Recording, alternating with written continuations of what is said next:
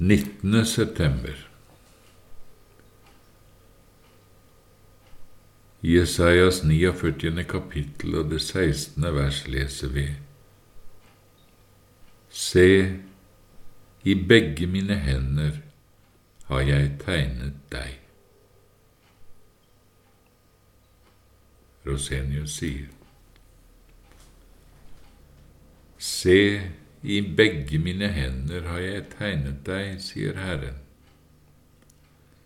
Han taler til sitt sorgfulle Sion sitt folk på jorden. Ved disse ordene vil han fullstendig overbevise sine ynkelige barn om at selv om han til og med ville, noe han her uttrykkelig avviser, så kan han likevel ikke glemme dem. For, sier han, i begge mine hender har jeg tegnet deg. Hvor skulle jeg da gjøre av hendene mine så jeg ikke så dem, om jeg skulle kunne glemme deg? Du står jo der, innskrevet, og da som en påminnelse for meg, like for øynene mine. Men det er ikke bare dette Herren vil si oss gjennom dette skriftordet. Her er noe enda dypere. Herren har ikke bare tegnet oss i sine hender slik som en bærer sin ektefelles navn i en ring på hånden. Grunnspråket bruker et ord som betyr håndflaten. Og Herrens ånd har allerede i Det gamle testamentet, lenge før disse ordene ble uttalt, latt profetene forutse hvordan Kristi hender og føtter skulle gjennombores. I Davids 22. salme sukker Messias, De har gjennomboret mine hender og mine føtter. Det er derfor gode grunner for det biskop Herslep sier, at dette Se, i begge mine hender har jeg tegnet deg sikter til spikermerkene Kristus fikk etter naglene som ble slått gjennom hendene hans. Disse var Jesus også spesielt opptatt av å vise sine disipler mang en gang etter sin oppstandelse. Og biskop Herslep fortsetter naglegapene i Kristi hender.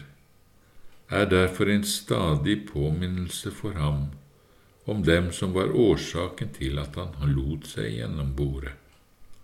Der har han tegnet oss, ikke med blekk, men med sitt eget blod, ikke bare utenpå som med en penn, men tvert, helt, tvert imot helt igjennom, med jernnagler eller spiker, for at han aldri skulle kunne glemme oss noe han jo heller ikke selv vil, og for at det også skulle kunne sies gjennom David, Glemmer jeg deg, Jerusalem, så må jeg glemme min høyre hånd. Slik vil også Herren, gjennom det ordet vi har for oss i dag, si, Du behøver ikke frykte, du engstelige sjel, og være redd for at jeg skal glemme deg så lenge jeg ikke glemmer mine høyre hånd eller begge mine hender, for der er du innskrevet. Først måtte jeg jo da ha glemt begge mine hender, om jeg skulle kunne glemme deg. Ja, sannelig er det noe veldig stort Herren legger i disse ordene, se, i begge mine hender har jeg tegnet deg. Og så var det virkelig også stort at Kristus for opp til himmelen med gjennomborede hender.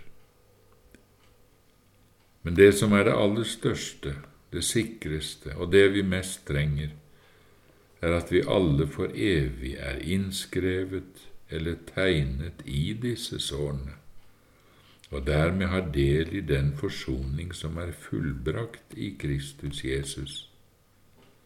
For det at vi alle har del i dette, det er noe av det Skriften aller tydeligst har åpenbart. og ikke noe som helst, hvor fortvilt og ille det ser ut for oss, kan hindre oss i å ha del i denne forsoningen.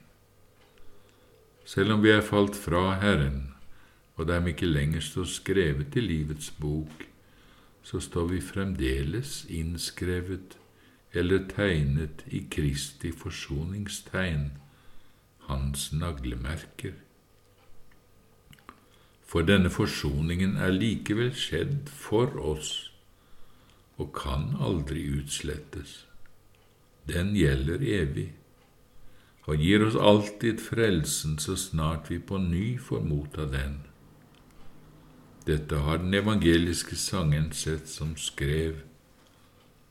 Gud vær lov, jeg får min uro slippe. Jeg ser jo jeg er skrevet inn i dine sår. Før skal du glemme både deg og himmelens Fader, før noen gang jeg der blir strøket ut. Hvordan kan det være slik? og hva om jeg så faller fra? Svar Selv om mitt navn ikke finnes i livets bok, vil jeg likevel alltid stå tegnet i Kristi sår, som er en av hele menneskeslekten, som denne forsoningen ble fullbrakt for, den som gjelder i evighet. Dette er det urokkelige grunnlaget vi bygger på, og derfor er det at alt kan bli oppgjort og tilgitt, og at jeg aldri kan bli glemt av Gud. Det er dette det er om å gjøre å holde fast på, uansett hvor fortvilet alt ser ut, og slik skal vi med makt trenge oss inn i himlenes rike ved ikke å se og allikevel tro.